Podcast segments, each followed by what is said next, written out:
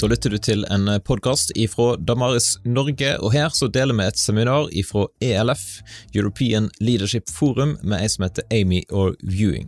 Amy er nær medarbeider med Ravi Zakarias, og til daglig så arbeider hun som co-director for Oxford Center for Christian Apologetics. Se lenken i podkastbeskrivelsen. Amy er en veldig dyktig apologet med doktorgrad i teologi fra Universitetet i Oxford. Vi kan òg informere om at Amy kommer til NLA, Mediehøgskolen Gimlekollen, den 17. til 18. oktober i år, 2019, for å delta på flere ulike arrangement. Og dette seminaret er gjengitt med tillatelse fra ELF og Focal Online, og vi anbefaler selvfølgelig at du sjekker ut YouTube-kanalen deres. Du finner lenken i podkastbeskrivelsen.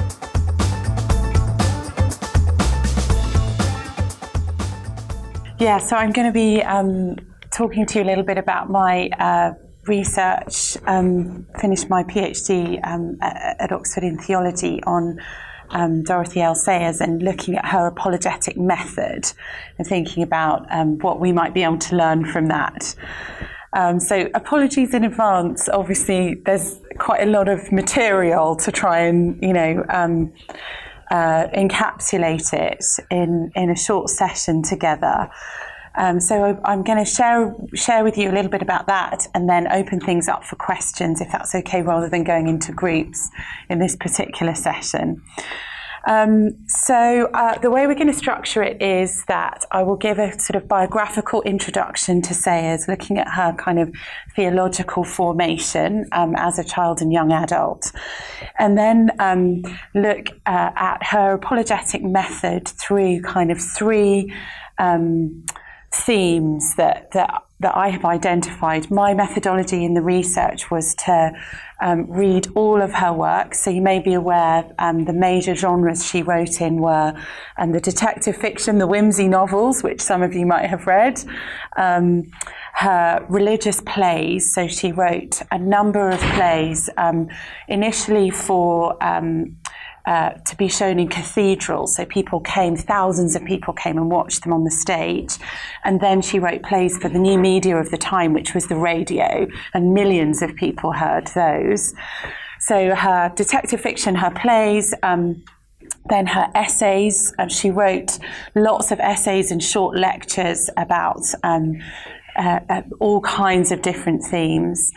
And then um, she uh, wrote a book, which you may have read, um, called The Mind of the Maker, which was really addressing uh, the sort of theological implications of the doctrine of the Trinity um, for an apologetic for the creative arts, if that makes sense, or from the creative arts to the Trinity and back.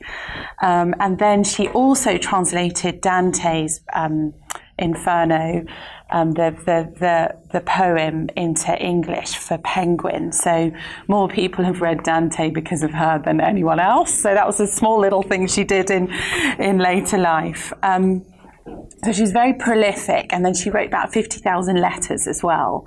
So my methodology was to look at her genres um, and for the companion to that to be her letters, but asking the question what was it that made her um, apologetically impactful. And so I was arguing for these three the- themes of truth, story, so narrative, and, and what she called pattern, which is about sort of structural coherence of reality. Okay, so that's where we're going to go in just a few minutes together. So um, uh, we'll begin with a little bit of biography. So Sayers is probably most well known as um, the author of detective fiction. She wrote a no- number of, of novels. Um, it's only really Sayers and Agatha Christie who are still in print today as detective fiction writers from the golden age of detective writing. So that says something about the quality of her work. Um, she was um, a lay theologian and Christian apologist um, in, in her generation. So, born in 1893 um, and died in 1957. That gives you the sense of um, her timing. She was an eloquent voice in her generation, articulating the Christian faith in an accessible and in a persuasive way. Um, to give you a sense of her profile at the time compared to now, um, speaking of Sayers and C.S. Lewis, the then Regius Professor of Divinity at Oxford, Canon Oliver Quick, wrote to the Archbishop of Canterbury, William Temple, in 1943, describing C.S. Lewis and Dorothy L. Sayers as the two people who seem really able to put across to ordinary people a reasonably orthodox form of Christianity. Karl Barth recommended Sayers to a student, calling her one of the most outstanding British theologians whose books he'd read in order to help him learn English. He went on to translate various of her essays into German.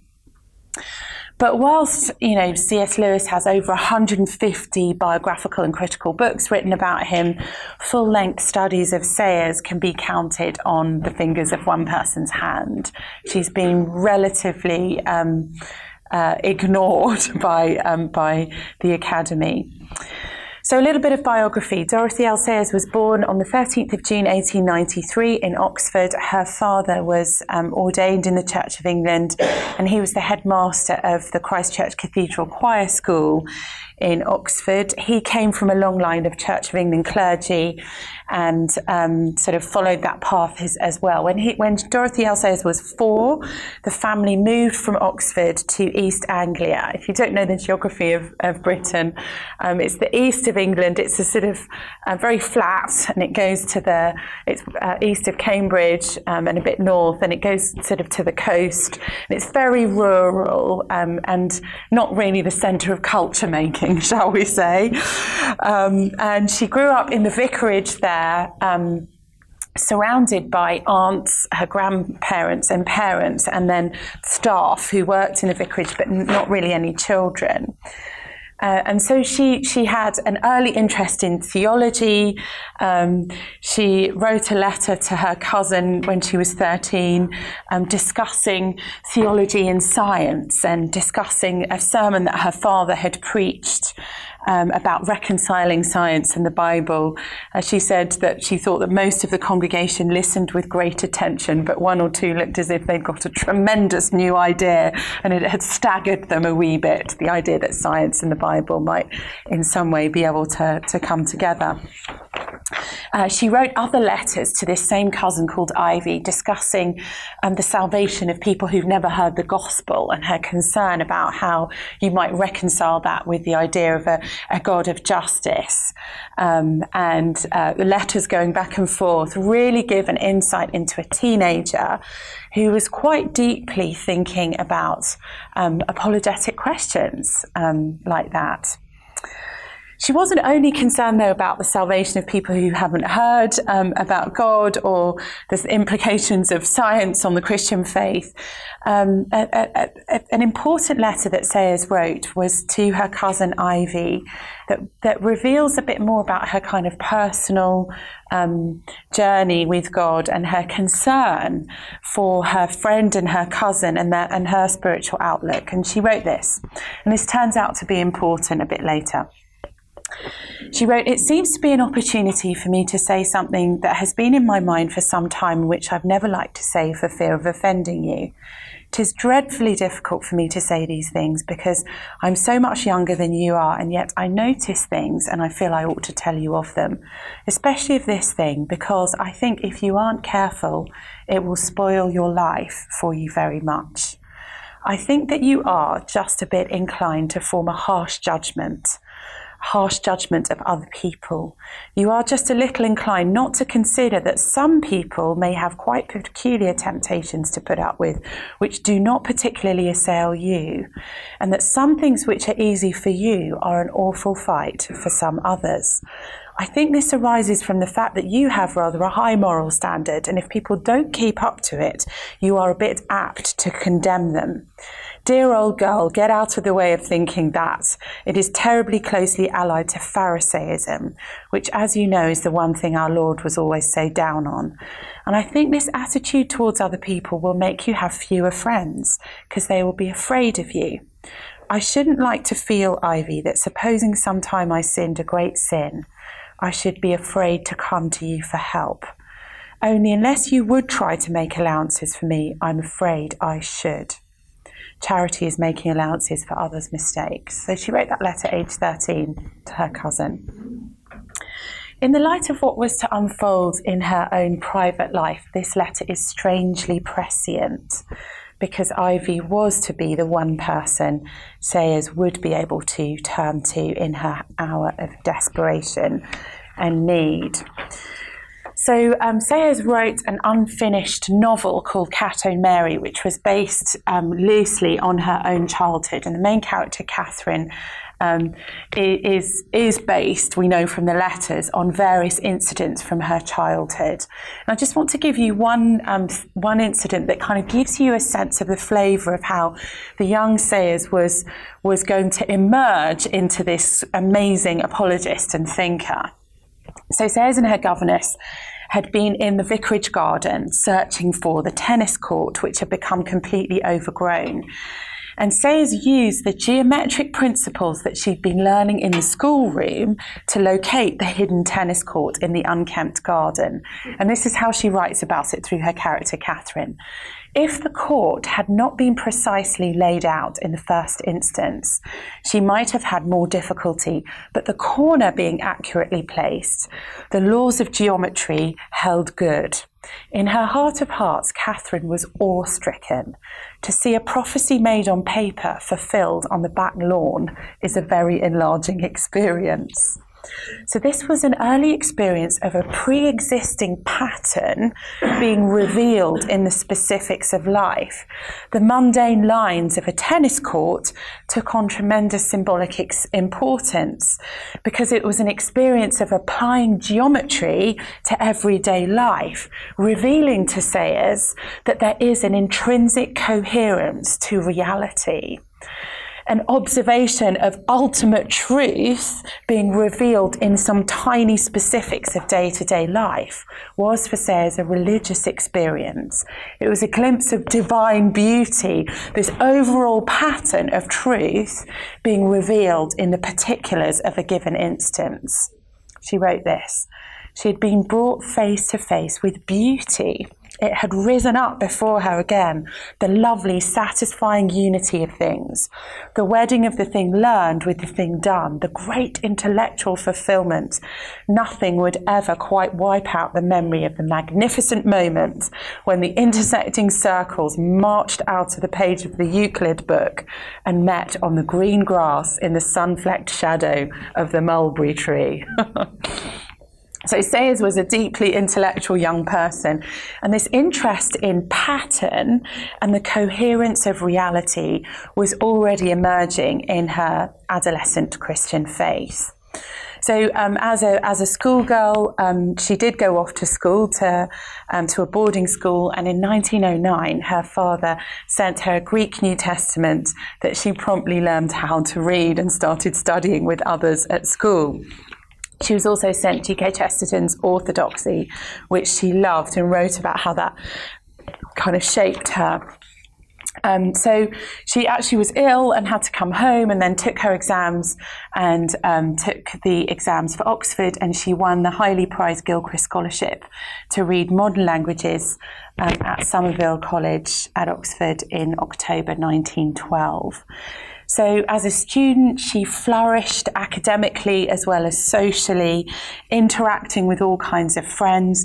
Her interest in the creeds of the church was piqued um, at Oxford, partly through the preaching in the church she went to regularly. And in 1915, she sat for her final exams in French honours, specialising in the medieval period. And she was awarded a first class degree, which means you're sort of in the top three or four in the year. At the time, women at Oxford were only granted what was called a title to a degree rather than the honour of the degree itself. But that detail was settled in 1920 when Dorothy L. Sayers was among the very first group of women upon whom an Oxford degree was actually officially conferred. So she was a bit of a trailblazer. In um, after studying at Oxford, she went to work in an advertising agency, and um, she got a full time position. It was called S. H. Benson's Advertising Agency as a copywriter, and she was grateful for the regular work and the income that she got from that. But it was during that period of nine years working in that agency that she wrote her detective novels in her spare time and she discovered a gift for communication with the general public. She came up with advertising slogans like, My goodness, my Guinness, you know, that horrible black drink people drink, the Irish thing. Well, that advert, that sort of slogan and that campaign is still known today in the English language. She came up with it. She also came up with the phrase, It pays to advertise, which you may have heard of, and um, came up with other kind of creative advertising slogans around Colman's mustard and other things. So um, in 1923, her first Wimsey novel, Whose Body, was published, and she already had her second novel, Clouds of Witnesses, ready and waiting in the pipeline. But we get a bit of an insight into her frustration with working in advertising from a piece of dialogue that she included in another novel, Murder Must Advertise, which she set in an advertising agency. And she describes perceptions of truth in this world. And here it goes The firm of Pym's Publicity Limited, advertising agents. Mr. Pym is a man of rigid morality, except, of course, as regards his profession, whose essence is to tell plausible lies for money. How about truth in advertising? Someone asks. Of course, there is some truth in advertising. There's yeast in bread, but you can't make bread with yeast alone. Truth in advertising is like leaven, which a woman hid in three measures of meal. It provides a suitable quantity of gas with which to blow out a mass crude of rep- misrepresentations into a form that the public can swallow. So you can sense she was a tad um, disillusioned with the world of advertising and wrestling with truth and misrepresentation, perception, and the plausibility of lies. And that's actually something she really explores in her detective fiction, coming up with plausible lies that mislead the reader, which are a tremendous contrast then to the truth.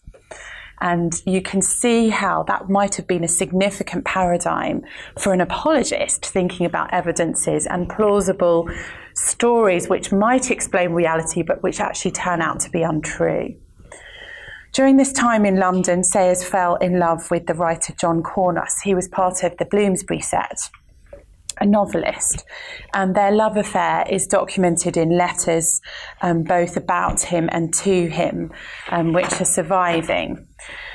But in essence, um, Cournos wanted to have a sexual relationship with Sayers outside of marriage and to use contraception so as to be sure that there would be no children.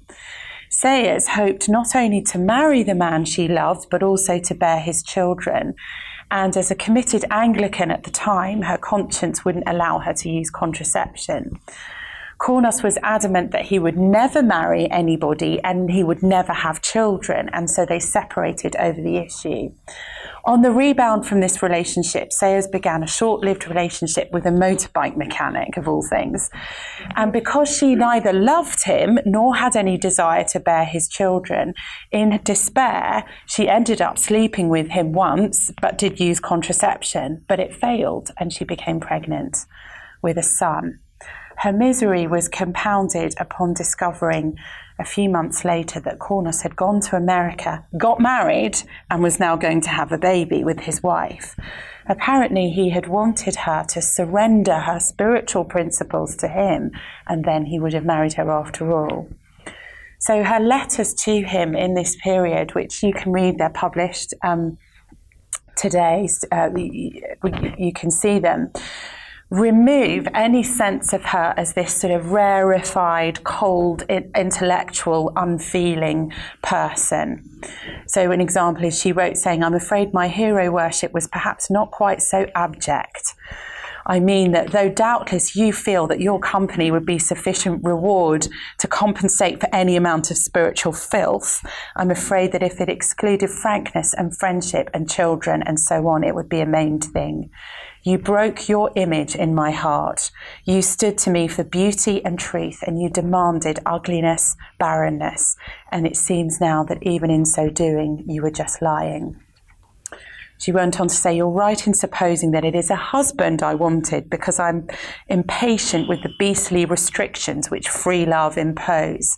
And she famously wrote, I have a careless rage for life, and secrecy tends to make me bad tempered. So Sayers gave birth in secrecy to a son in 1923 on January the 3rd. Um, nobody knew she was pregnant. She hid her pregnancy in sort of large clothes, and people thought she'd got rather fat in the advertising agency, but no one knew she was pregnant. She gave birth alone. Her parents didn't know, um, and the only person she confided in a, a few days later was her cousin Ivy, to whom she'd written that letter ask she was a professional foster carer asking her to take the child on this closed uh, a, a, spiritual and emotional uh, circle since 16 years earlier. She'd written that letter. And so Ivy raised her son, John Anthony, and nobody ever knew that he was Sayers' son until much later when um, uh, one her, her, husband that she married, um, she confided in him she suffered a good deal through this, and this may in part be why um, she didn't come to be more widely known. Her reputation as a theological thinker may have rid- risen considerably further had it not been for this residual problem of keeping this secret. In 1943, on the success of her religious play, The Man Born to Be King, published on the BBC, a broadcast, sorry, on the BBC, listened to by millions of people, um, the head of the BBC, Dr. Welch, wrote to the Archbishop of Canterbury, William Tell, William Temple, asking whether a Lambeth Doctorate of Divinity could be conferred on Sayers, which was, would have been a huge honour, and she would have been the first woman um, to receive that honour. William Temple consulted various people, including the Professor of Divinity at Oxford, who I wrote about earlier, who agreed she would be worthy of both the academic and the kind of broader honour of it.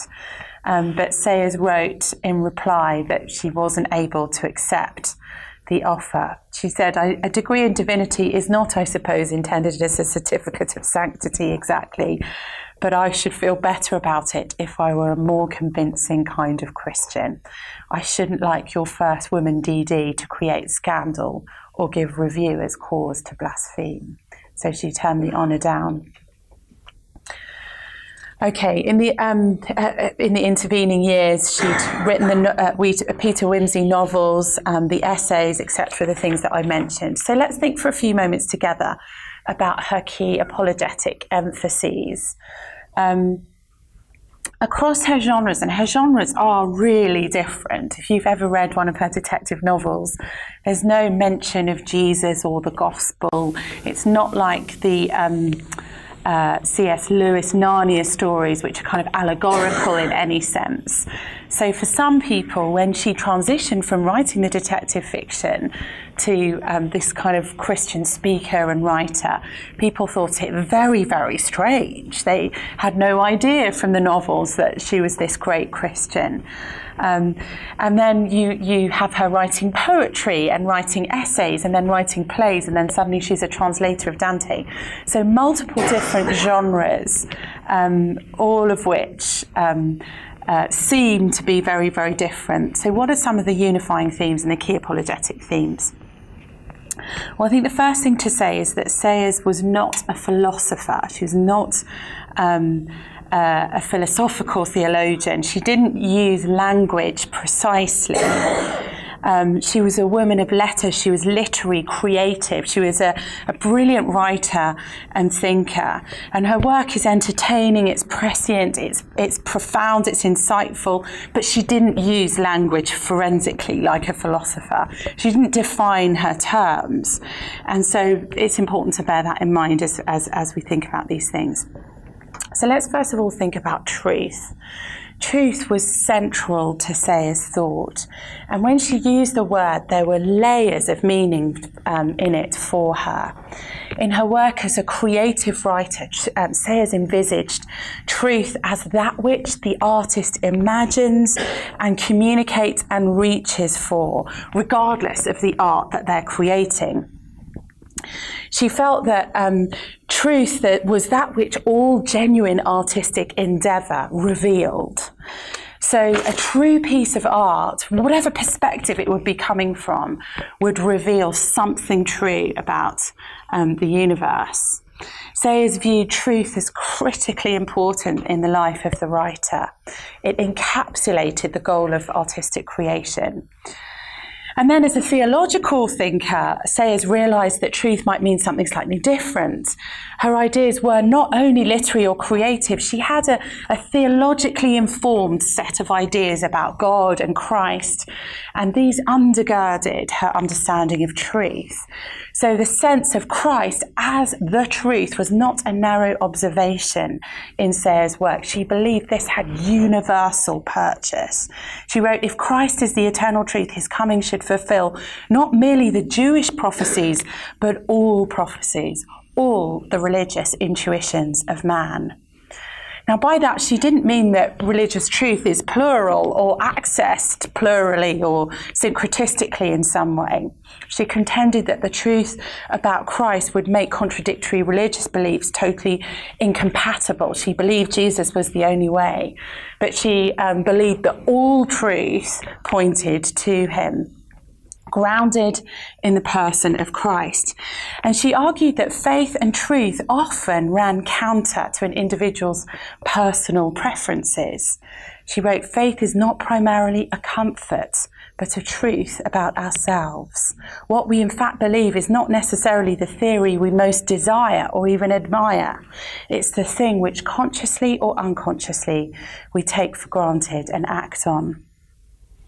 Sayers' convictions about Christ as truth were founded in her belief, her absolute conviction that truth had historical dimensions. And remember, she's writing in that period um, in history when you know German schools about the, the historical Jesus and the unreliability of the gospel narratives, etc. Those were all rife and rampant, certainly in the Anglican Church. But she's saying the message of Christianity is that our vague feelings about right right and wrong are quite true, They are vague dreams of a God in human form dying and resurrected are true. The thing did happen, it had an actual date in history.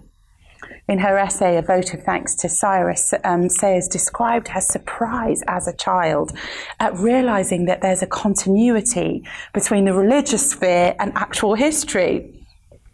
She said it's just as well that from time to time Cyrus should march out of Herodotus into the Bible for the synthesis of history. So, this sense that the Bible and history are, on the same page, history is all of a piece and the Bible is part of it. So, it really mattered to Sayers um, that, that the Christian faith was historically rooted and that truth was evidenced in history because God had entered history. She also sought to ground her ideas about truth more broadly by attempting to interact with the world of science. She wrote to the scientist, reason is valid and your methods are valid as far as they go. God is truth and any truth is God's truth. She wrote that before Francis Schaeffer. There's nothing irrational about God, but you must not try to make scientific tools do something they aren't fitted to do. It won't tell you about origin or purpose. She saw no conflict between God's truth and science. She saw scientific discovery as part of this landscape of truth that would lead you ultimately to Christ.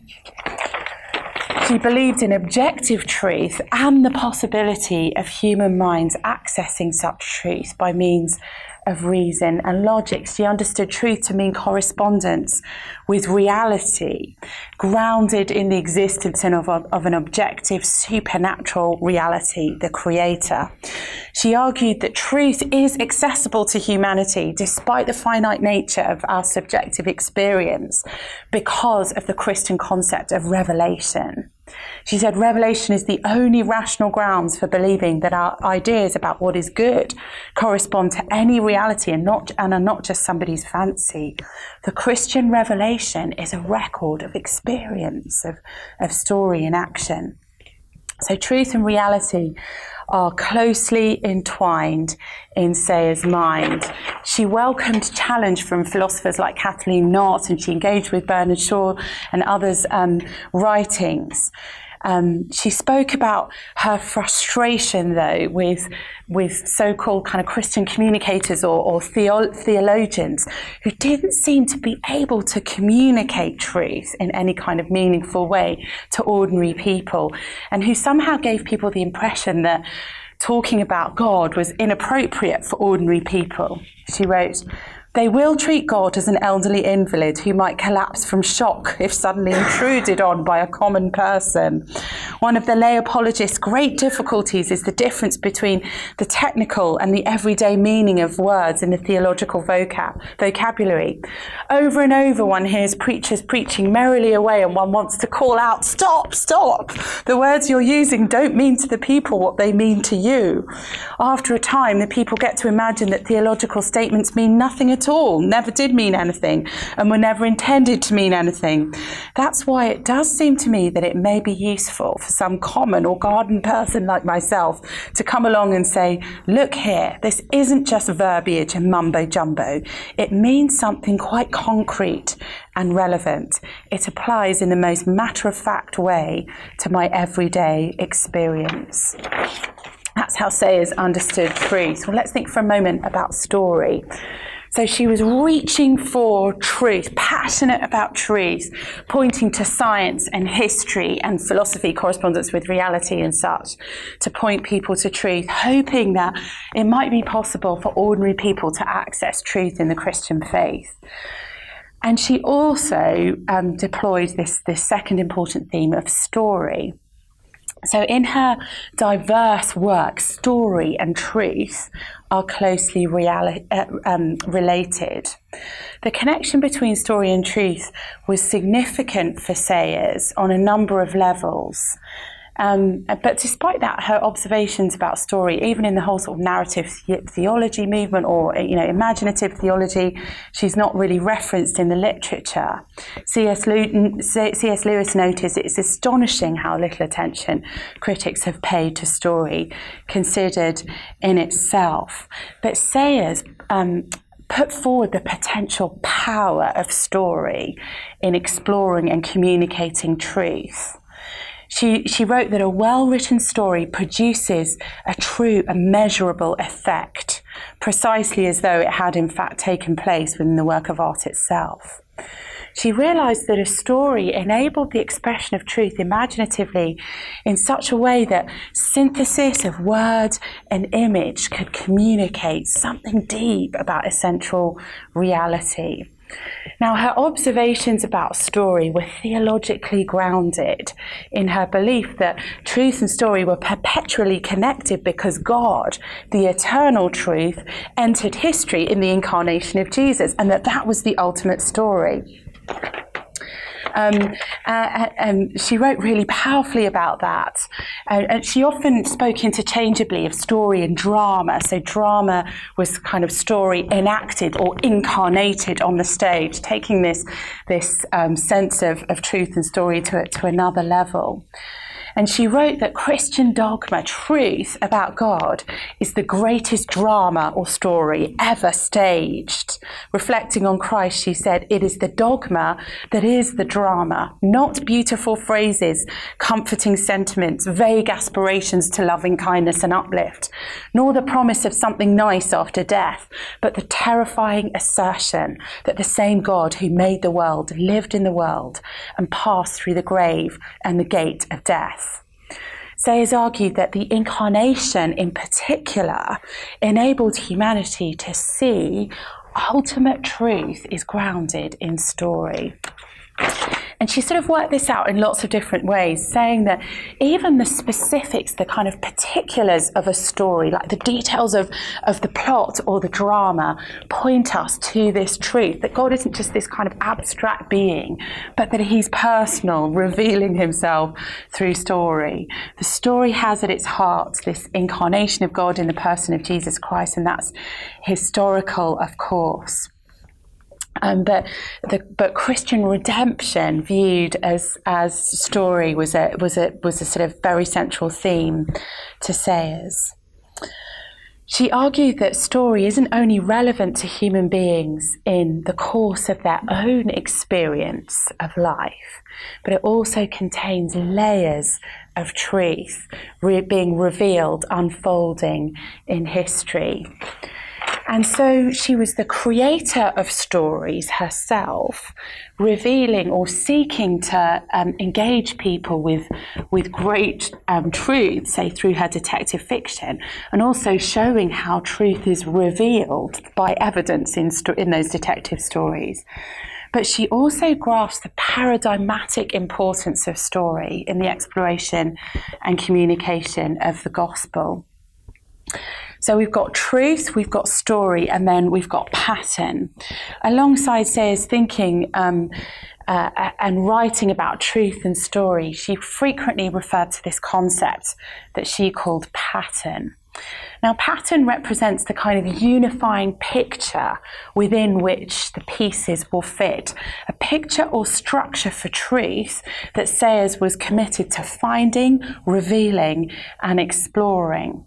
Sayers became committed to the sense that the Christian revelation is this kind of ultimate pattern that undergirds all meaning um, she, she, seems to have been shaped a little bit by this um, in, in through G.K. Chesterton's work.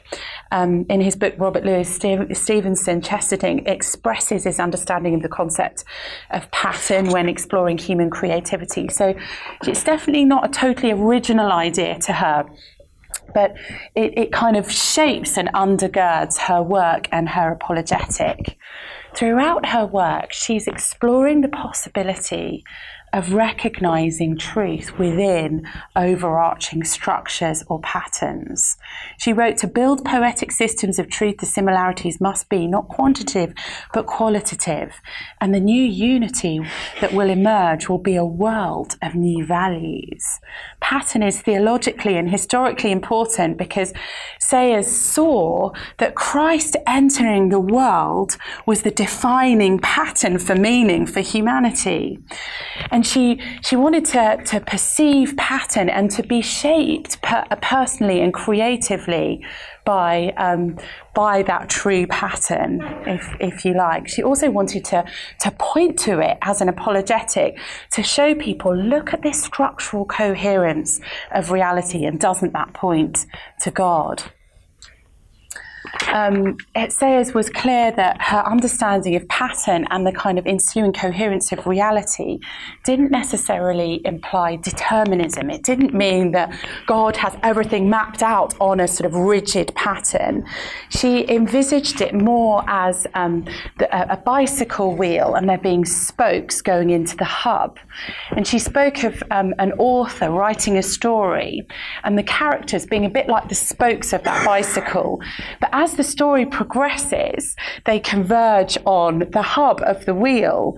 So the, the, the possibilities of, of what that character within the story might do um, begin to limit as we know more about the character. So what's feasible for them, the, how the plot will unfold, becomes limited and limited and limited within the wheel until it converges on this hub of what, what actually happened.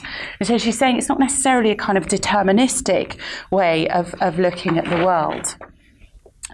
So, pattern um, for, for Sayers meant that Christian dogma could, could provide a coherent foundation for reason, for goodness, for, um, for, for all kinds of others, other widely held assumptions. She wrote, um, uh, Christianity asserted that the things which man had believed about right and reason from the beginning of the time were neither idle dreams nor wishful thinking, but actually and earthily true. It claimed, in fact, that man's persistent belief in goodness and reason were justified, that such was the nature of God and the true nature of man, and that Christ was there to prove it. Christianity offered the actual physical fact of the incarnation. Christianity took theology out of the realm of myth and allegory and pegged it firmly down to history. It picked up, so to speak, all the scattered ideas about God and man and the universe which had been lying about like loose beads, beautiful but disconnected, and ran through them like a string the historical personality of the God who made flesh. So Sayers envisages this necklace with the string being the incarnate Christ in history, pulling the beads into a coherent shape that was, in fact, a pattern. The specifics of Christ in history enacted a true pattern upon which actually Western civilization was built and even able to flourish. And she was bemoaning the fact that intellectuals were now seeking to do away with Christ, the very historical string holding the beads together. She said it is the pattern of those beads on that string that is the pattern of our own civilization and culture. We've grown accustomed to the look of it. We've spent 19 and a half centuries polishing the beads. And during that time, we've been tempted to feel that the only thing that spoils the look of them is the ugly string of Christian doctrine running through them. For the last three centuries, we've been snipping the string away, strand by strand, forgetting that it was the string that made the pattern in the first place. Let us be quite clear about that. The assumptions we take for granted about right and reason, which seem to be self evident, are not self evident at all. The evidence for them is the evidence for Christianity, and if we reject the one, we automatically lose the other. What we've been trying to do for some time is to keep the Christian ethic without the connecting thread of Christian theology, the beads without the string. We can, of course, hope or imagine that the pattern will hold together of its own accord, but we have no rational warrant for supposing that it will. Indeed, the witness of history contradicts that supposition. Sayers envisaged pattern as a string through a necklace, as the architectural blueprint for, um, for a building, as the kind of internal skeleton of a person, or even as um, the pattern on a carpet where threads are kind of wa- randomly woven together. And then you go around to the other side of the loom and you discern, you see a pattern. So it was about structural coherence. So in her apologetic, she's weaving together that big picture question of coherence and meaning and reality the specifics of stories that show us something about truth, and very particularly the truth of the incarnation of God in history in Jesus, but all kinds of other stories leading us um, to the truth as well. So that was her kind of methodology. Um, I want to leave some time for questions, but let me just briefly touch on the detective fiction and, um, and then uh, on one of the essays, and then we'll open things for questions. So um, these, uh, this early concern or interest with story and truth and pattern can be seen in her initial choice of the novel, a story, as the form of her art. Um, so, in her detective novels, readers are drawn into a story and they're persuaded to attempt to discover the truth of a particular matter. And this happens by evidences being pieced together within an idiomatic pattern that makes sense amongst competing explanations. Recognition of the pattern is the paradigm for discovering truth. The reader experiences the frustration of piecemeal evidence leading us down blind alleys or imposter stories that don't fit the pattern and can never lead us to the truth. In Sayers' presentation of plot, evidence needed to be pieced together in a big picture. Things would not make sense outside of that structure of the true story. There was a singular pattern within which the pieces would fit and everything could be explained. You can see how that overlaps with the work of an apologist.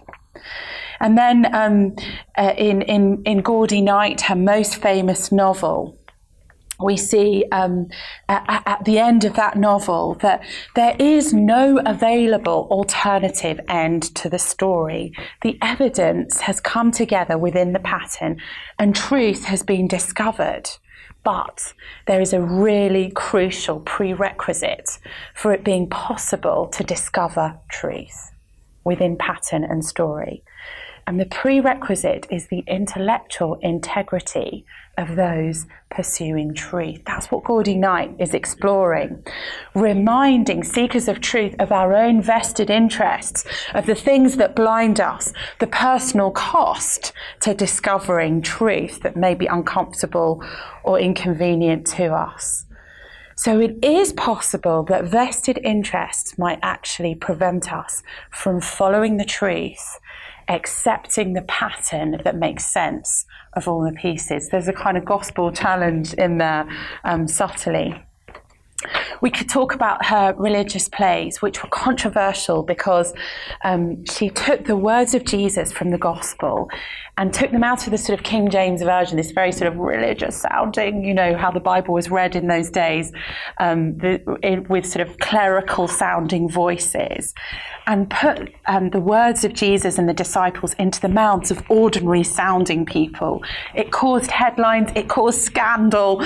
You know, there was this, this big headline in the press saying, you know, blasphemous play using US slang on the radio, which wasn't at all what happened, but it actually gathered a lot of interest around the play and meant that millions of people heard it, and millions of people were shaken to the core hearing the words of Jesus spoken by an ordinary person without a weird religious tone of voice. And um, uh, if you look at the statistics around church attendance in the 1940s and 1950s, there's this fascinating spike in um, it, numbers of people professing Christianity. And these plays were seen as at least a part in causing a major cultural um, shift in the UK, people coming to know Christ. So that vision of through story, the pattern being revealed, one of the ways she did that was, was through those plays. Um, and then just finally coming into land, her essays. I think um, one of her most powerful pieces of work was writing these short essays. You can read them. Um, there's a, uh, uh, a, volume called Unpopular Opinions, which is very good. And there's another one called Begin Here, which has lots of short essays by her. She famously wrote three essays about work one called Living to Work, one called Why Work, one called Vocation in Work. And they really explore um, a, a Christian kind of apologetic through work. And then she wrote two essays about women, two essays about what it means to be a woman. She publicly addressed questions about the role of women through her life, but she wrote these two essays focusing on this question in 1938. And the first essay is rather poignantly called Are Women Human? The second essay is called The Human Not Quite Human Sayers um, in, in these essays is exploring um, the, the position of women in culture, in society, and what the gospel has to say to that question. And she was resisting um, the tendency of second wave feminism to resist sexism by creating women as a sort of special class of people. And Sayers argues that that kind of feminism is, is, is a sort of reductionism. You're actually reducing women to being a subcategory of human.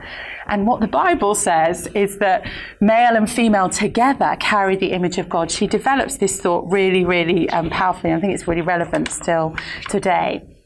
But at the end of her second essay, um, she comes in to land on this question of, of what it means to be a woman and what the Christian gospel has to say to this, this massive question in culture and society. And she brings it in to land on Christ she begins by saying, um, Perhaps it is no wonder that women were first at the cradle and last at the cross. They had never known a man like this man, and there never has been such another. A prophet and teacher who never nagged them, never flattered or coaxed or patronized, who never made arch jokes about them, never treated them as the women, God help us, or the ladies, God bless them, who rebuked without querulousness and praised without condescension, who took their questions and arguments seriously, who never mapped out their sphere for them, never urged them to be feminine or jeered them for being female, who had no axe to grind and no uneasy male dignity to defend, who took them as he found them and was completely unself conscious. There is no sermon, no parable in the whole gospel that borrows its pungency from female perversity nobody could possibly guess from the words of Jesus that there was anything funny about a woman's nature. She spoke of Jesus as God incarnate, revealing both the ultimate pattern of truth in its specific outworking in history and society and in the church, and called people to reconsider their treatment of women um, in the light of this. It's very, very powerful um, at the time, and I think still today. So Sayers famously came to know God through what she described as her love of the intellectual pattern of the Christian faith, the dogmatic and doctrinal pattern expressed in the story of Christ, and particularly the incarnation. And it's this irresistible interplay of pattern and story that gave rise to what she described as the passionate intellect, a passion for truth that is everywhere manifest in her work and was so attractive um, to people who engaged with her apologetic. Um, she spoke cogently and persuasively in her generation and became the most effective female Christian apologist of the English speaking world in the 20th century. The end. okay. Da vil jeg takke for at du lytter til eh, denne podkasten her. Har du lyst til å støtte arbeidet til Damaris Norge, ja da kan du faktisk eh, dele denne podkasten med noen som du tror vil ha glede av den, eller du kan bidra til arbeidet vårt økonomisk. Gå inn på damaris.no og finn ulike måter der du kan eh, støtte oss. Eventuelt følg lenken i podkastbeskrivelsen.